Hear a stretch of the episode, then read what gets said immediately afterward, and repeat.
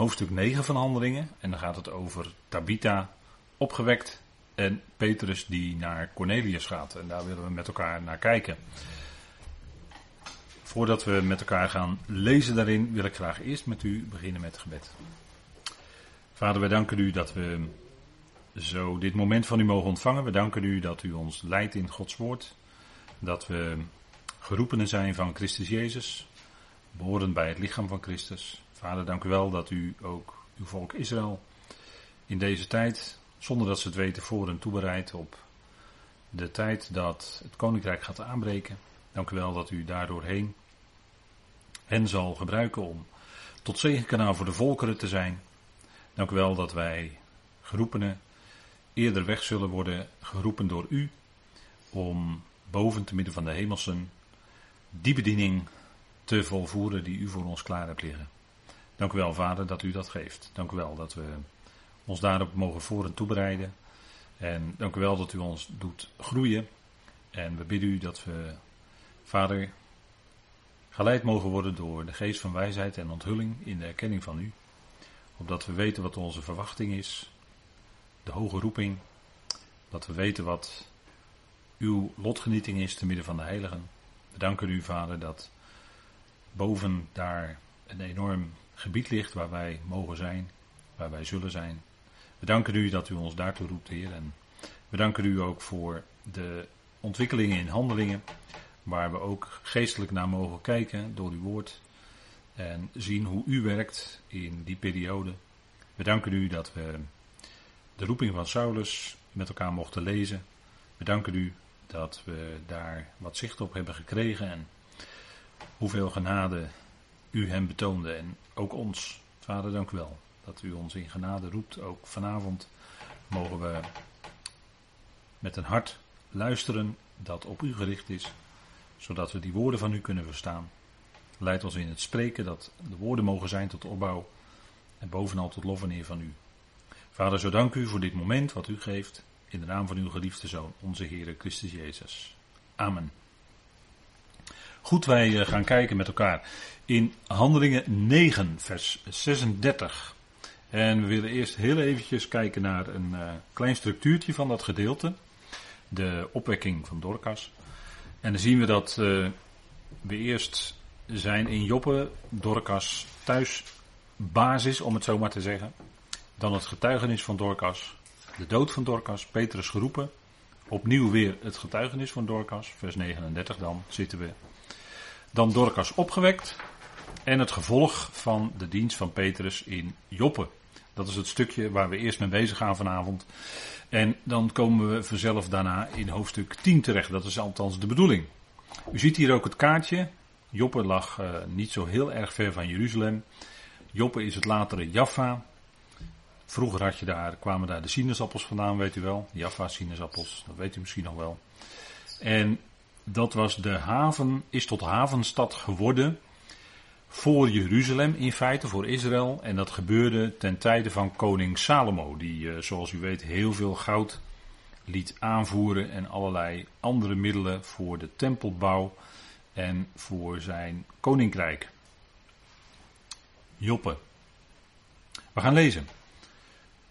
Vers 36. In Joppe nu was een zekere leerlinge met naam Tabitha, wat uitleggend Dorcas betekent. Deze was vol van goede werken en barmhartigheden die zij deed. Het woord barmhartigheden, dat wordt ook wel vertaald met aalmoezen. En dat is misschien wel een oud woord voor u. U kent dat misschien wel van uh, iemand die in het leger werkt als geestelijke. Dat is een aalmoezenier. Hè? Maar een aalmoes is eigenlijk iemand die. Of een aalmoes is eigenlijk een goede gift die je geeft aan behoeftige mensen. En zo stond Dorcas daar dan bekend. Zij maakte allerlei kleding, onderkleding en overkleding enzovoort. En de naam Tabitha, dat is eigenlijk wel heel mooi, dat betekent, en ook Dorcas trouwens, Dorcas is het Griekse woord, maar beide woorden betekenen eigenlijk hinde of gazelle. En daarin zit wel, als u daaraan denkt, in de natuur, als u zo'n hertje ziet en je ziet die springen en lopen, dan zit daar iets lieflijks, lieflijks in, iets teders. En dat straalde Dorcas eigenlijk door hoe zij deed, straalde dat ook uit. De naam Joppe, waar zij woonde, die sluit daar eigenlijk wel heel mooi op aan. Of misschien moet ik het andersom zeggen. Maar dat betekent mooi.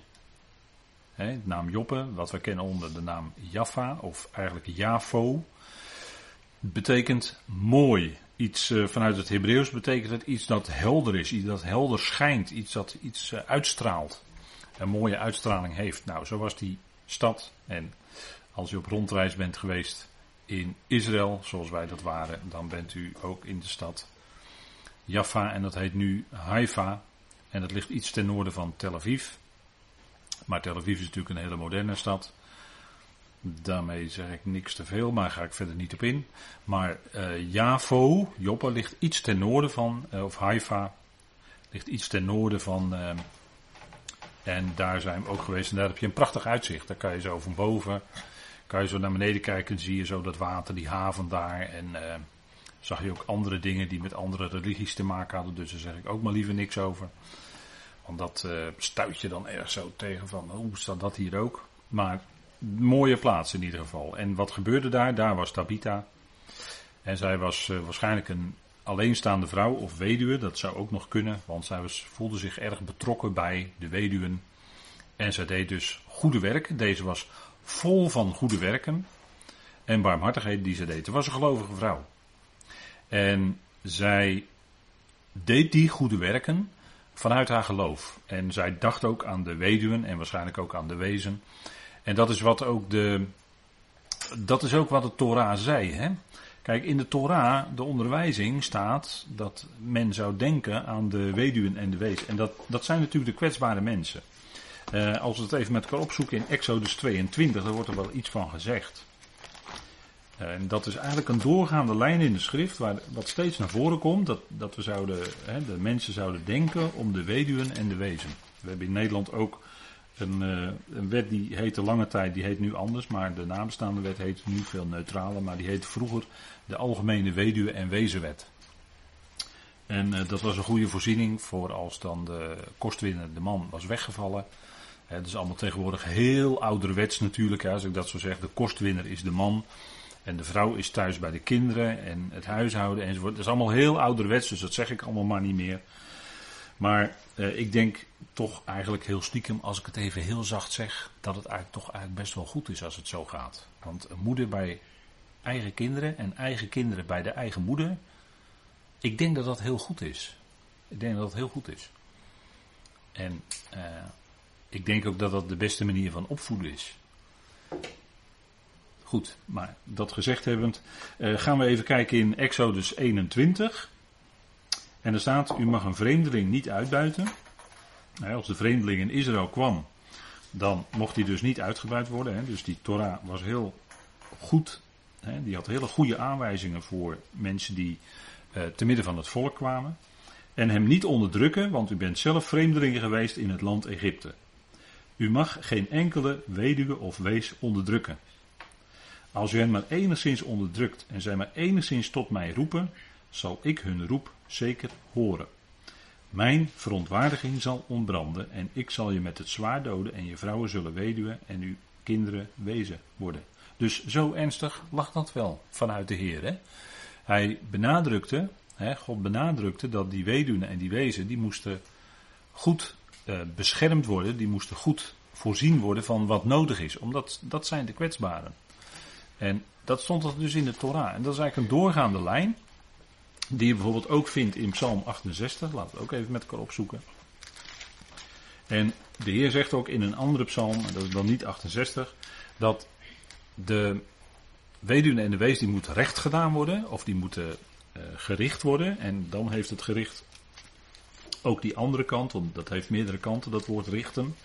Ze zouden gericht worden, dat wil zeggen, er zou op toegezien moeten worden dat zij hun rechten kregen, dat we zeggen, krijgen wat hun toekomt. Voldoende levensonderhoud.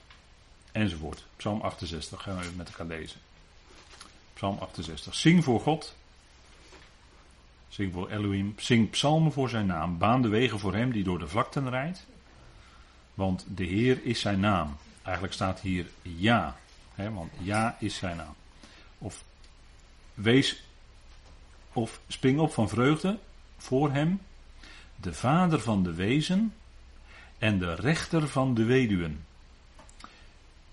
God in zijn heilige woning, Elohim in zijn eigen woning. Een God die de eenzamen in een huis plaatst, die gevangenen uitleidt in voorspoed, maar de opstandigen wonen in een doorland. Dus God ziet om naar de wezen. Hij noemt zichzelf de vader van de wezen. En de rechter van de weduwen. En dat woord rechter, daarin zit dus dat woord richter wat ik net zei. Dat wil zeggen, hij ziet erop toe dat die weduwen voldoende krijgen wat hen toekomt. En de apostel Paulus die wijt daar ook wel woorden aan. Maar laten we ook heel even kijken wat Jacobus ervan zegt.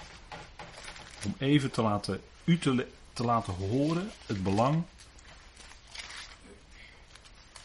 dat het uh, voor, hè, van, van, die, van die mensen, die, wat de schrift daaraan, uh, hoeveel aandacht daarin de schrift aan besteed wordt. Jacobus 1 vers 27 zegt,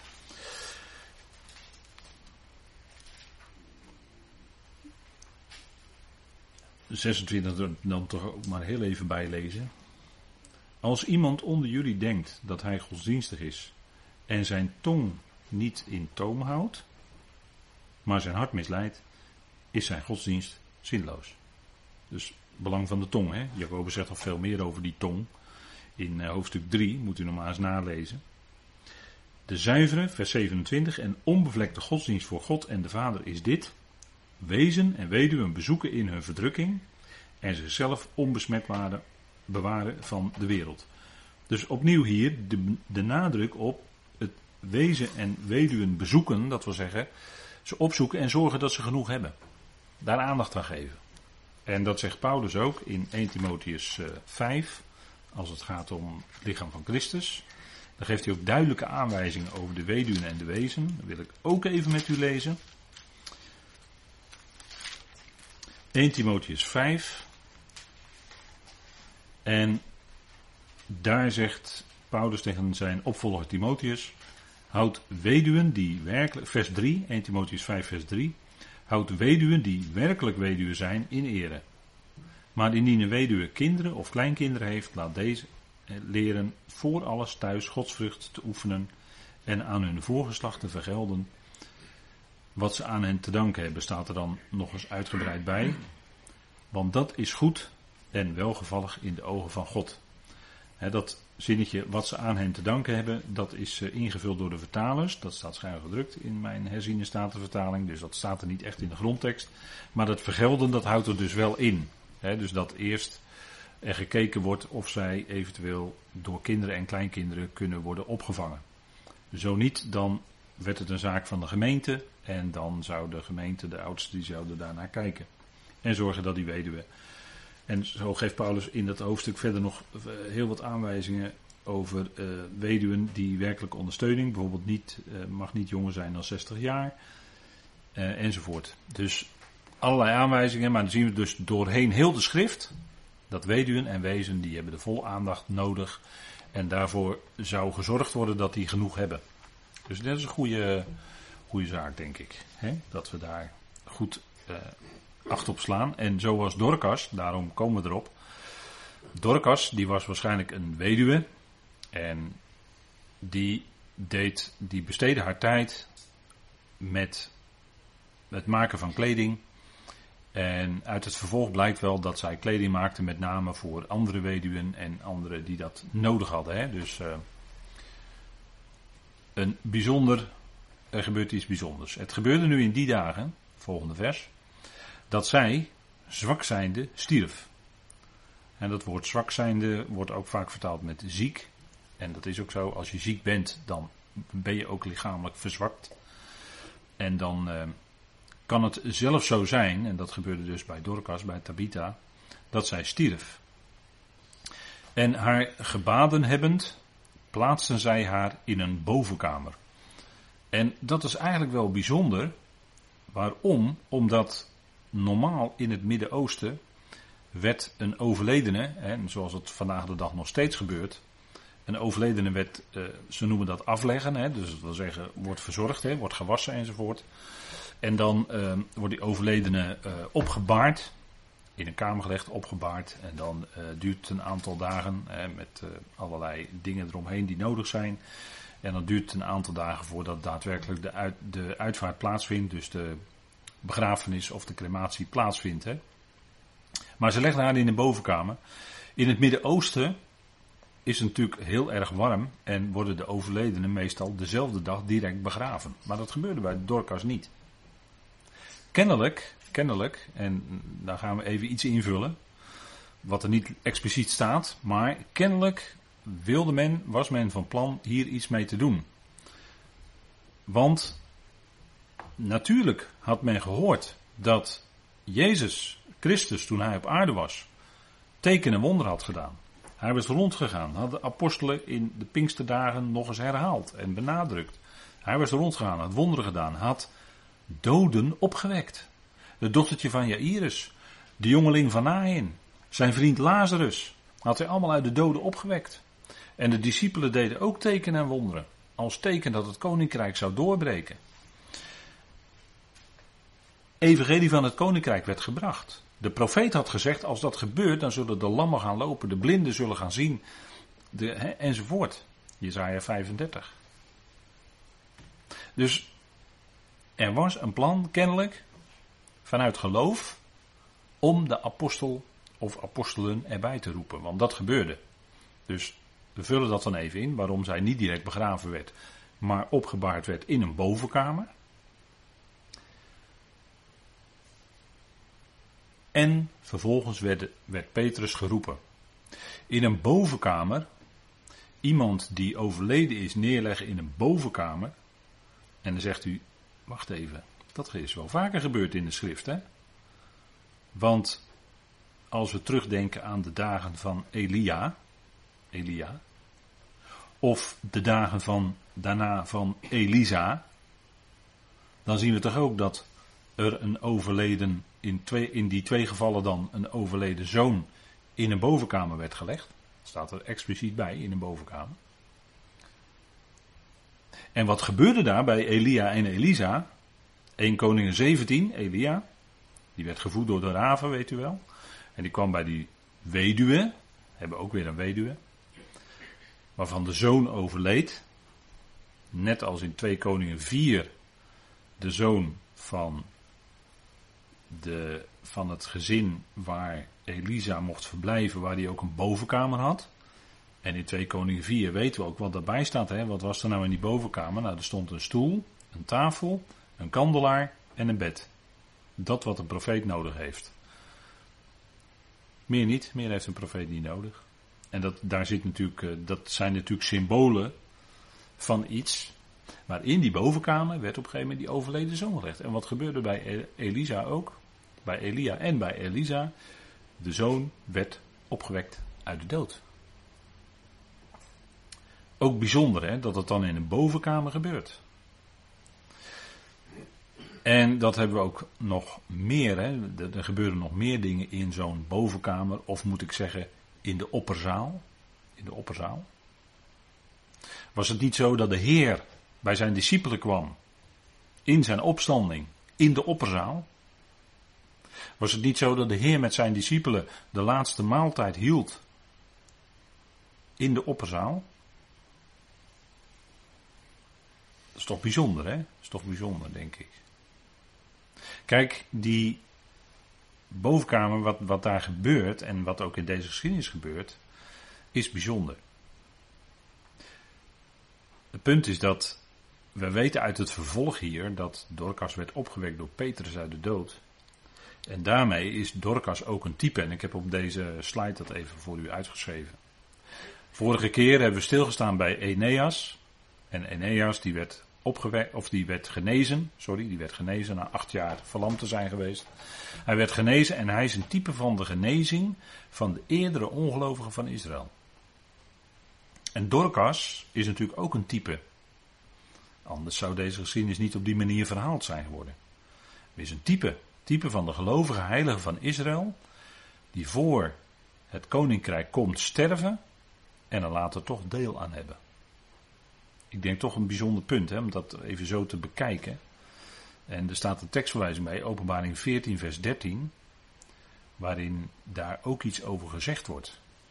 Dat heeft ook te maken met uh, dat koninkrijk wat gaat komen. Laten we even met elkaar opzoeken. Openbaring 14, vers 13.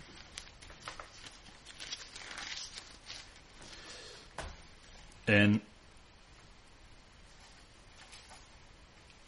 daar wordt gezegd van die uh, mensen die zullen omkomen, uh, met name de gelovigen, de, de gelovigen die in Jezus Christus als hun Messias geloven in die tijd.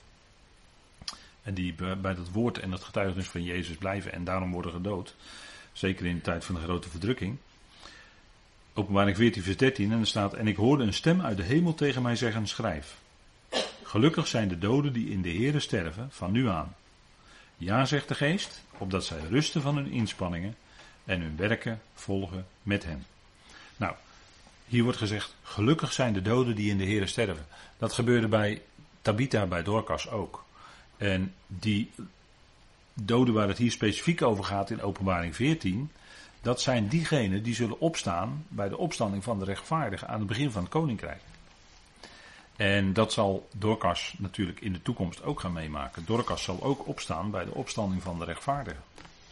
dat wordt natuurlijk een hele, uh, hele groep mensen die daar dan zal opstaan. naast de profeten en David en Salomo en, en, en Noach en uh, noem allemaal maar op. Allemaal bij de opstanding van de rechtvaardigen. Deel hebben aan het koninkrijk en zo zal Dorcas dat ook hebben. Goed, we gaan verder naar het volgende vers. In nu, Lida was nabij Joppe en daar vaardigde. Nu Lida nabij Joppe was, vers 38, vaardigden de leerlingen, hoorden dat Petrus daar zelf was, twee mannen aan hem af, hem aansprekend: Jij zou niet aarzelen tot ons door te komen. En het is vaker zo in de schrift dat er twee mannen ergens op weg zijn. En op een of andere manier, dat is altijd heel wonderlijk, Soms weet je de naam van één, bijvoorbeeld Cleopas en die andere. Hè. Of uh, naar het graf waren Petrus en Johannes op weg. En zo zijn er nog wel meer van die situaties. En dan moet u maar eens opletten als het over twee zijn die op weg zijn, dat het te maken, vaak te maken heeft met opstanding in de schrift. En dat er twee zijn, dus een dubbel getuigenis is, een dubbele getuige. Zo ook in de openbaring. Daar zijn twee getuigen die 1260 dagen lang getuigen en die worden dan gedood. De beest kan hen overwinnen, ze worden gedood en ze liggen dan daar drieënhalve dag op het plein van Jeruzalem. Ze worden niet begraven, ook wonderlijk. Ze blijven daar drieënhalve dag liggen. Mensen wereldwijd zijn er blij mee, want eindelijk zijn die monden gestopt hè, dan. En die, geven, die sturen elkaar cadeautjes enzovoort. Hè. Dat staat allemaal in de openbaring. En dan na drieënhalve dag, dan worden ze opgewekt uit de dood. Heb je het weer, hè? Opstanding uit de dood. Met twee getuigen. En ook hier gaan de twee mannen op weg naar Petrus. En Petrus die gaat dan naar van Lida. En het woord Lida is eigenlijk het oude woord Lot. L-O-D. En dat heeft mogelijk, dat woord heeft mogelijk te maken met strijd. In ieder geval, hij komt naar Joppa, want het ligt niet zo ver bij elkaar vandaan. En dan komt Petrus dus aan de rand van het land, aan de kust. En Petrus, die komt dus nu bij het uiterste van het land. Straks zullen we zien dat hij naar Caesarea gaat, bij Cornelius. En dan is eigenlijk, dit, is eigenlijk dit vormt eigenlijk het begin van de derde cyclus, zeg maar, vanuit Handelingen 1, vers 8.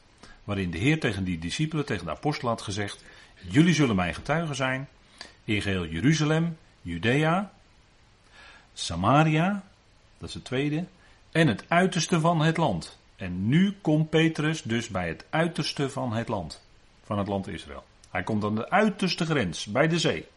En de zee, weet u in de schrift, hè, de, de, de zeeën, dat, dat is een beeld van de Volkerenzee. Heel vaak. Daar moet je op letten. Hè. Typologisch gezien wijst dat op de Volkerenzee. Nou, hier komt Petrus aan de rand en dan komt hij op een gegeven moment bij die heiden Cornelius terecht. En dat is wat hier gebeurt. Dus hij wordt geroepen uit het land en er komt helemaal in Joppen bij die kust. en uh, ja, ik zou bijna iets willen zeggen over een lied, maar dat heb ik in een vorige studie gedaan.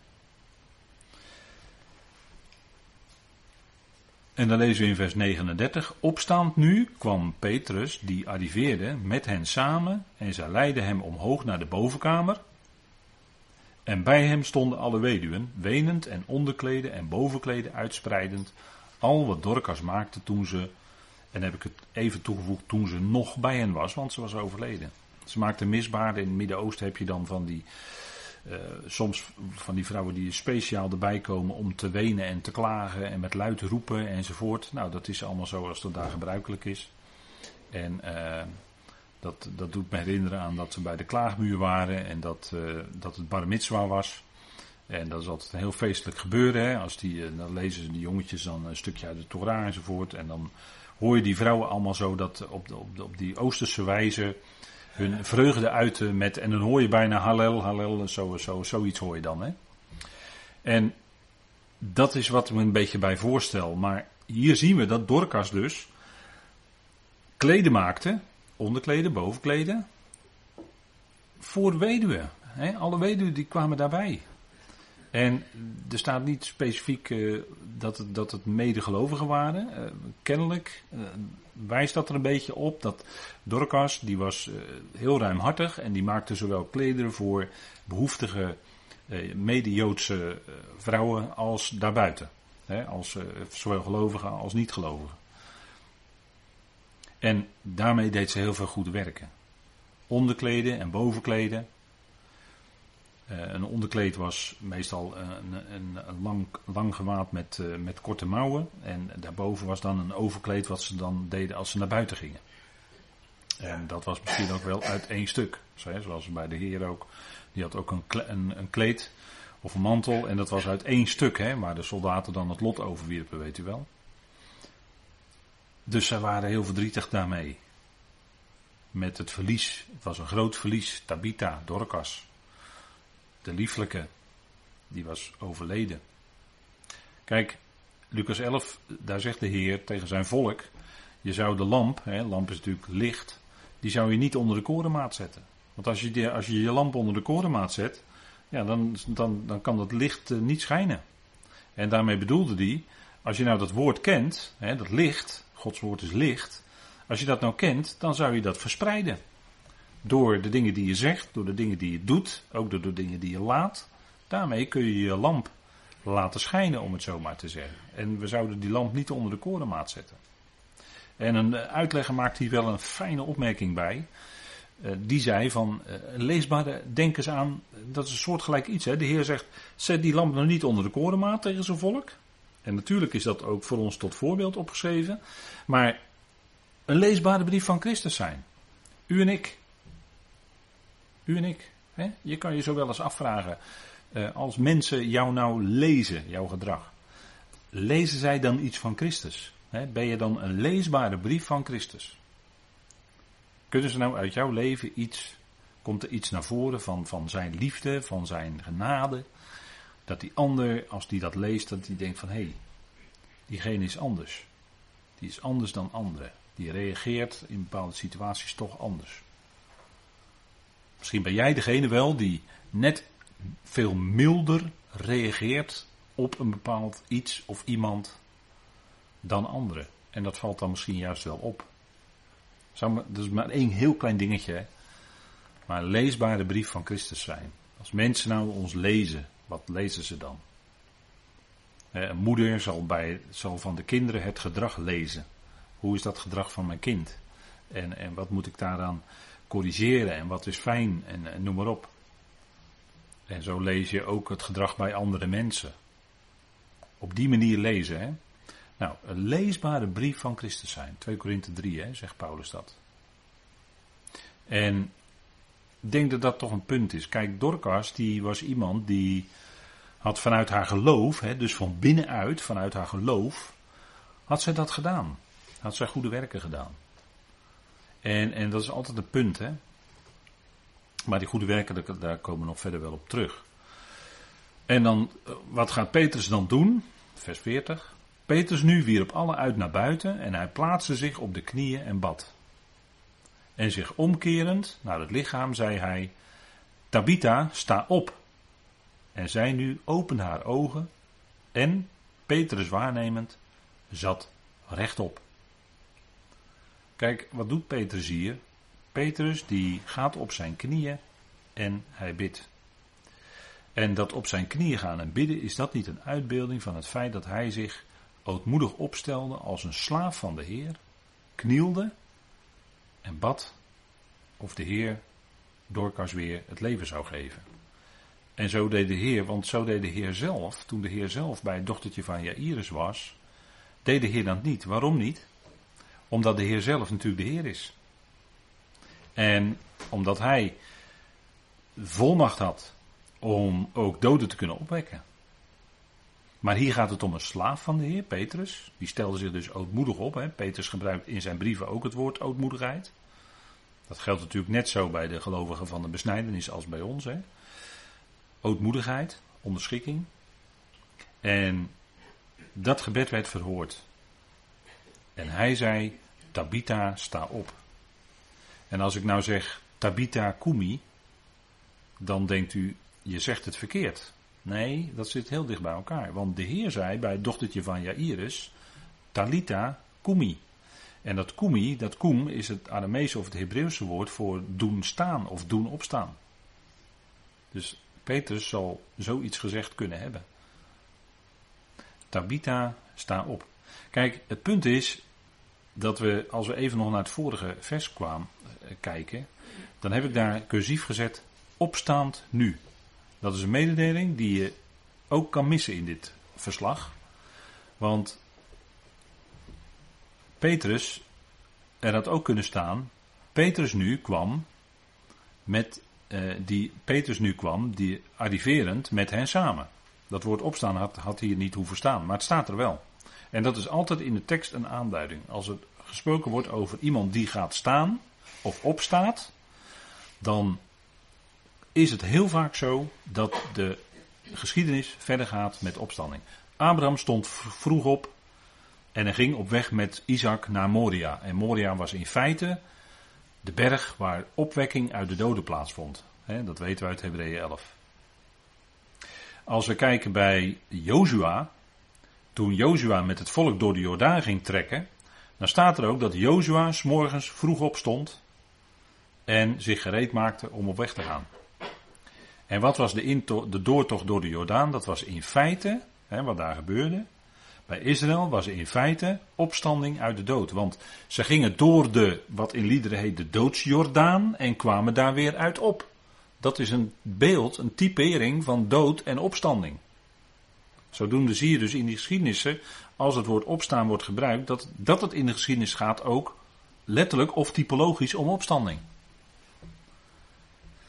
En de Israëlieten, toen zij ook Israël binnentrokken onder Jozua, werden ook besneden.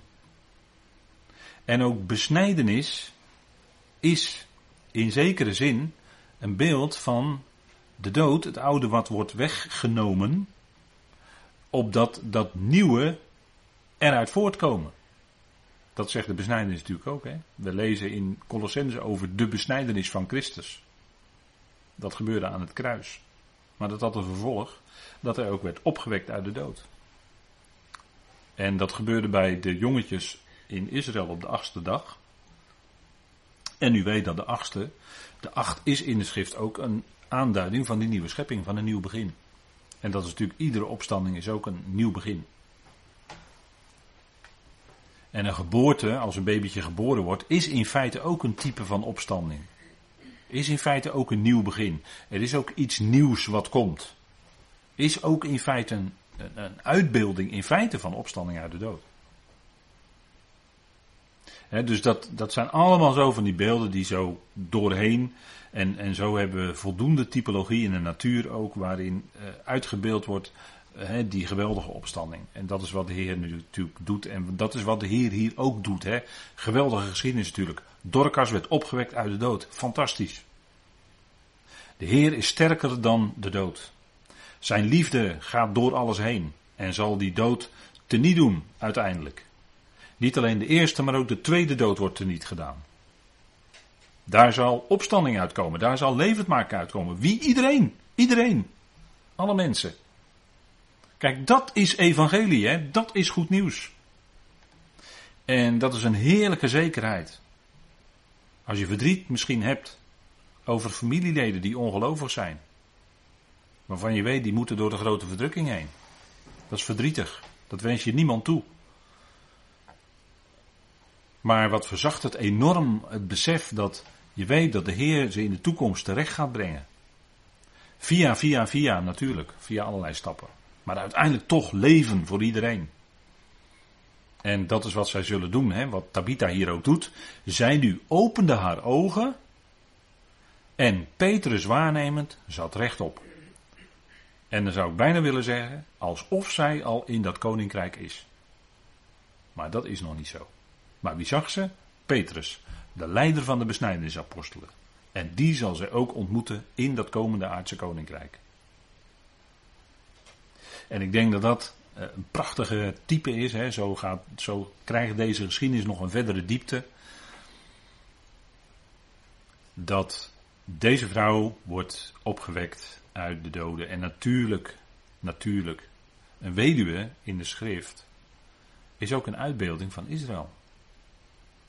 Israël, waarvan we, waarvan we lezen in de schriften. En anders zou, ik willen, anders zou ik tegen u willen zeggen, heeft u dan nooit gelezen in de schriften dat Israël vele dagen zou zijn zonder man? In feite dus een weduwe. Totdat zij weer in het huwelijk zal treden. In het komende koninkrijk, de bruiloft van het lammetje. En dan zal zij weer aan die man toebehoren. Dus een weduwe is een, ook een type van Israël. Heel duidelijk hoor, in de schrift. En anders zou ik zeggen, gaat u maar eens op zoek in de schriften waar dat dan naar voren komt. Goed, we gaan verder in uh, vers 41 van Handelingen 9. Haar nu een hand geven, deed hij haar opstaan. Daar heb je het weer, hè? Deed hij haar opstaan. Nou, hoe duidelijk wil je het hebben? De heilige nu en de weduwe roepend, presenteerde hij haar levend. Ze was niet langer dood, nee, zij leeft als een type van Israël wat in de komende koninkrijk zal leven onder de Messias. Dat zal gaan gebeuren. De dode werd opgewekt. En dat is een teken van het koninkrijk dat de opgestane heiligen van Israël het koninkrijk zullen bezitten. Naar Daniel 7, vers 22. Waar staat dat die kleine horen die sterk opkomt. Dat ongedacht, dat, dat zag Daniel in een visioen. dat ongedacht een, een kleine horen opkwam. Dat is het beest, dat is de wetteloze. En die zal in staat zijn om die heiligen te kunnen overwinnen. Maar, maar uiteindelijk zal die niet gedaan worden door de Heer zelf. Want Daniel ziet dan de overzetter van dagen in Daniel 7.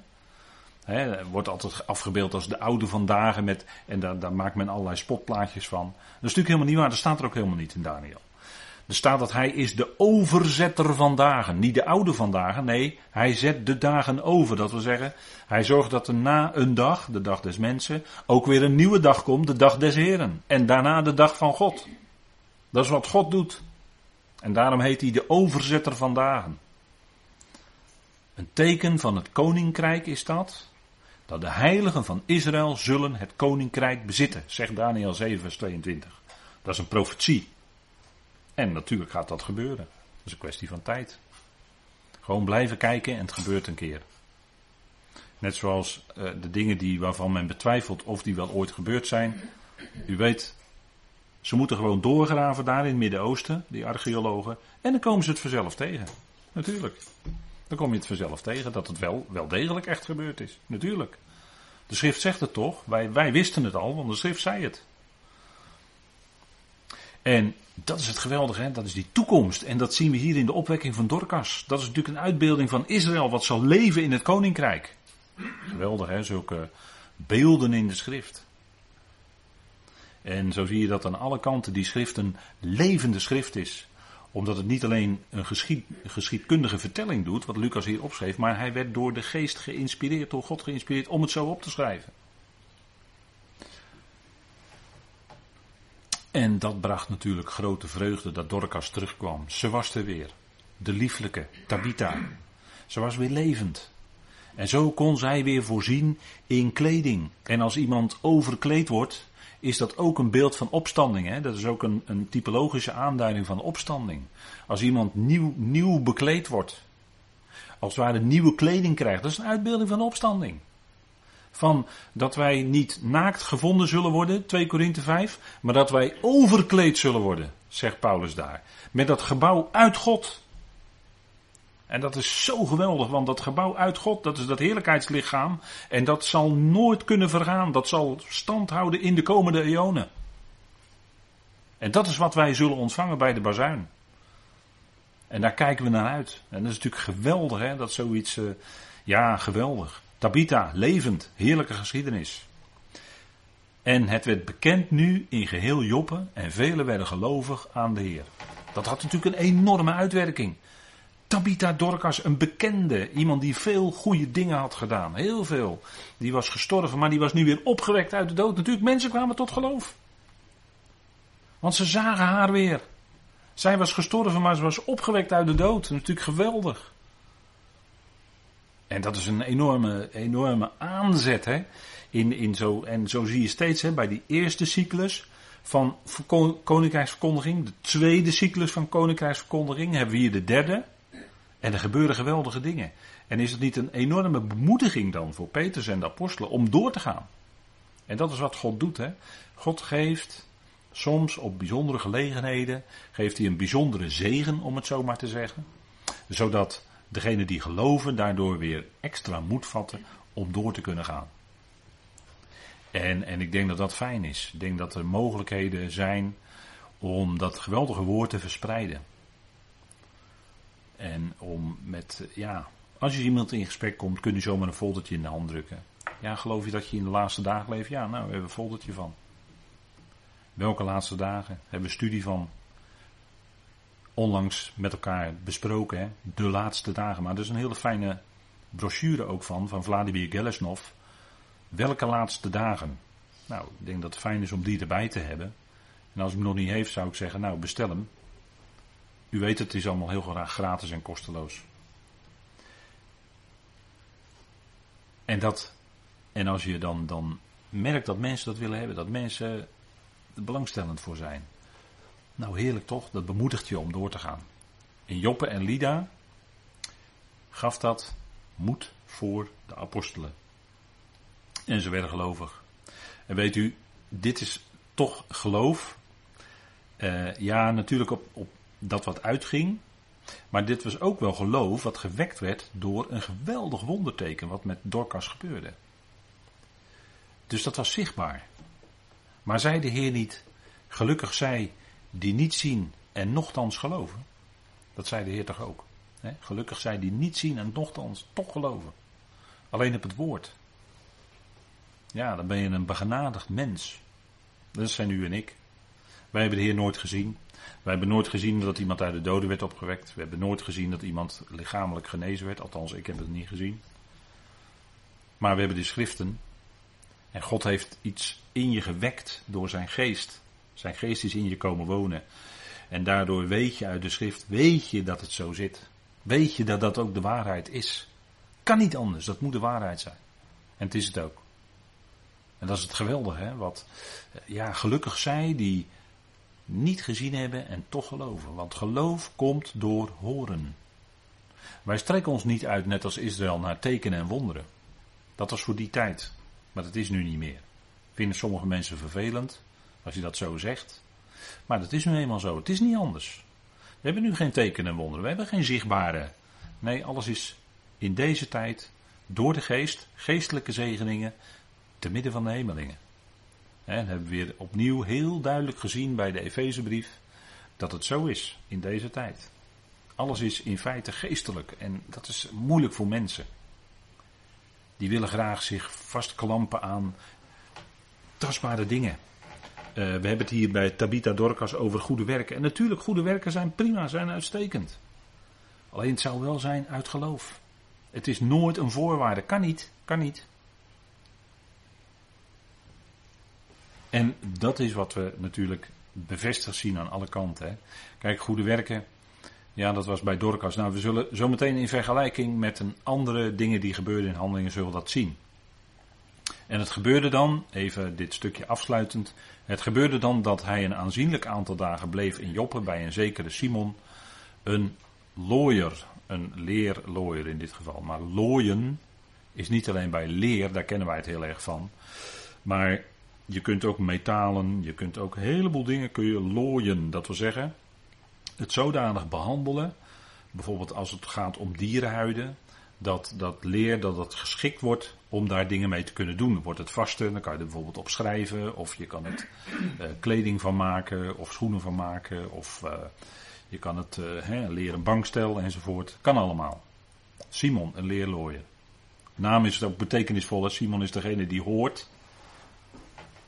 Simon, Petrus verblijft nu bij Simon. Dus het horen hè, staat hier op de voorgrond. En hij verbleef daar een aanzienlijk aantal dagen hè, in de vreugde van die opwekking van Dorcas natuurlijk. En het woord ging natuurlijk uit, hè, dat ging allemaal rond. Simon, hij hoorde, net als Petrus, die door de Heer Simon Bariona werd genoemd. U weet nog wel, hè, in Matthäus 16. Simon Bariona. Gelukkig ben je. Want je hebt dit niet van jezelf. Je hebt dit niet van vlees en bloed. Maar je weet dit en je hebt erkend dat Jezus inderdaad de Christus is, de Zoon van de levende God. En dat heb je erkend, Simon. Maar dat heb je niet uit jezelf, dat heb je niet uit je vlees. Vlees en bloed heeft je dat niet geopenbaard, maar de Vader die in de hemel is. Het was de geest die van Vader in hem werkte en daardoor kon Simon dat erkennen. En daarom kreeg hij ook die sleutels, en dat is natuurlijk een punt, hè. Daarom kreeg uh, Petrus ook de sleutels van het koninkrijk van de hemelen dat koninkrijk van de hemelen, dat komt, zou naar Daniel 2, komen uit de hemelen op de aarde. En Petrus die werd sleuteldrager daarvan. Hij kreeg van de Heer kreeg hij de sleutels van het koninkrijk van de hemelen. En je ziet ook dat in Samaria moest op een gegeven moment toch Petrus komen. En ook hier, Joppe, zitten we aan de grens, het uiterste van het land. En dadelijk bij Cornelius is Petrus als sleuteldrager. Om dus die deur naar dat koninkrijk, want daar gaat het natuurlijk om, om die deur naar dat koninkrijk van de hemelen maximaal te openen. Kijk, zo'n leerlooier, en daar zit al iets in, zo'n leerlooier gold voor de rabbijnen als uh, half onrein. Waarom? Omdat met leer, dat heb je nu natuurlijk te maken met dode dieren, waar je dan de huid van afneemt. En je gaat het leer bewerken. En dat zorgt er nogal vooral wat stank, eh, voor, voor, stank en dergelijke. En hij woont ook aan de zee. Vaak zie je dat mensen die bezig zijn met leerlooien of wat dan ook aan de zee wonen. Hè. Dat gebeurt in kustplaatsen ook. Bijvoorbeeld, in, ik meen in Urk en in andere plaatsen gebeurde dat ook. Hè. Of gebeurt dat misschien nog steeds wel.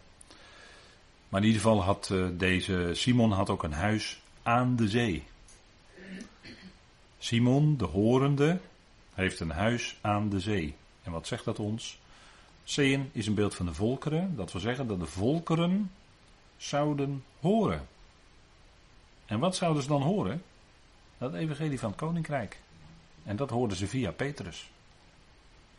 Ik denk dat dat punten zijn die je mee moet nemen als je de Bijbel leest. Hè. Waarom staat het er zo? En waarom wordt hier gesproken over dat hij uh, daar verbleef? Dat soort dingen. Ik denk dat dat uh, altijd letten op die kleine dingetjes in de schrift. En je altijd afvragen als bijbelezen, waarom staat het er nou zo? Wat eigenaardig. Waarom zou dat nou zo zijn? Nou goed, we gaan uh, nog wat, uh, na de pauze gaan we nog wat verder. En dan gaan we ook kijken naar de vergelijking tussen het wonder wat hier gebeurde met Dorcas en andere dingen bij Paulus in handelingen. En dan zullen we wel wat verschilletjes kunnen opmerken met elkaar. Maar we gaan eerst even aan een bak koffie.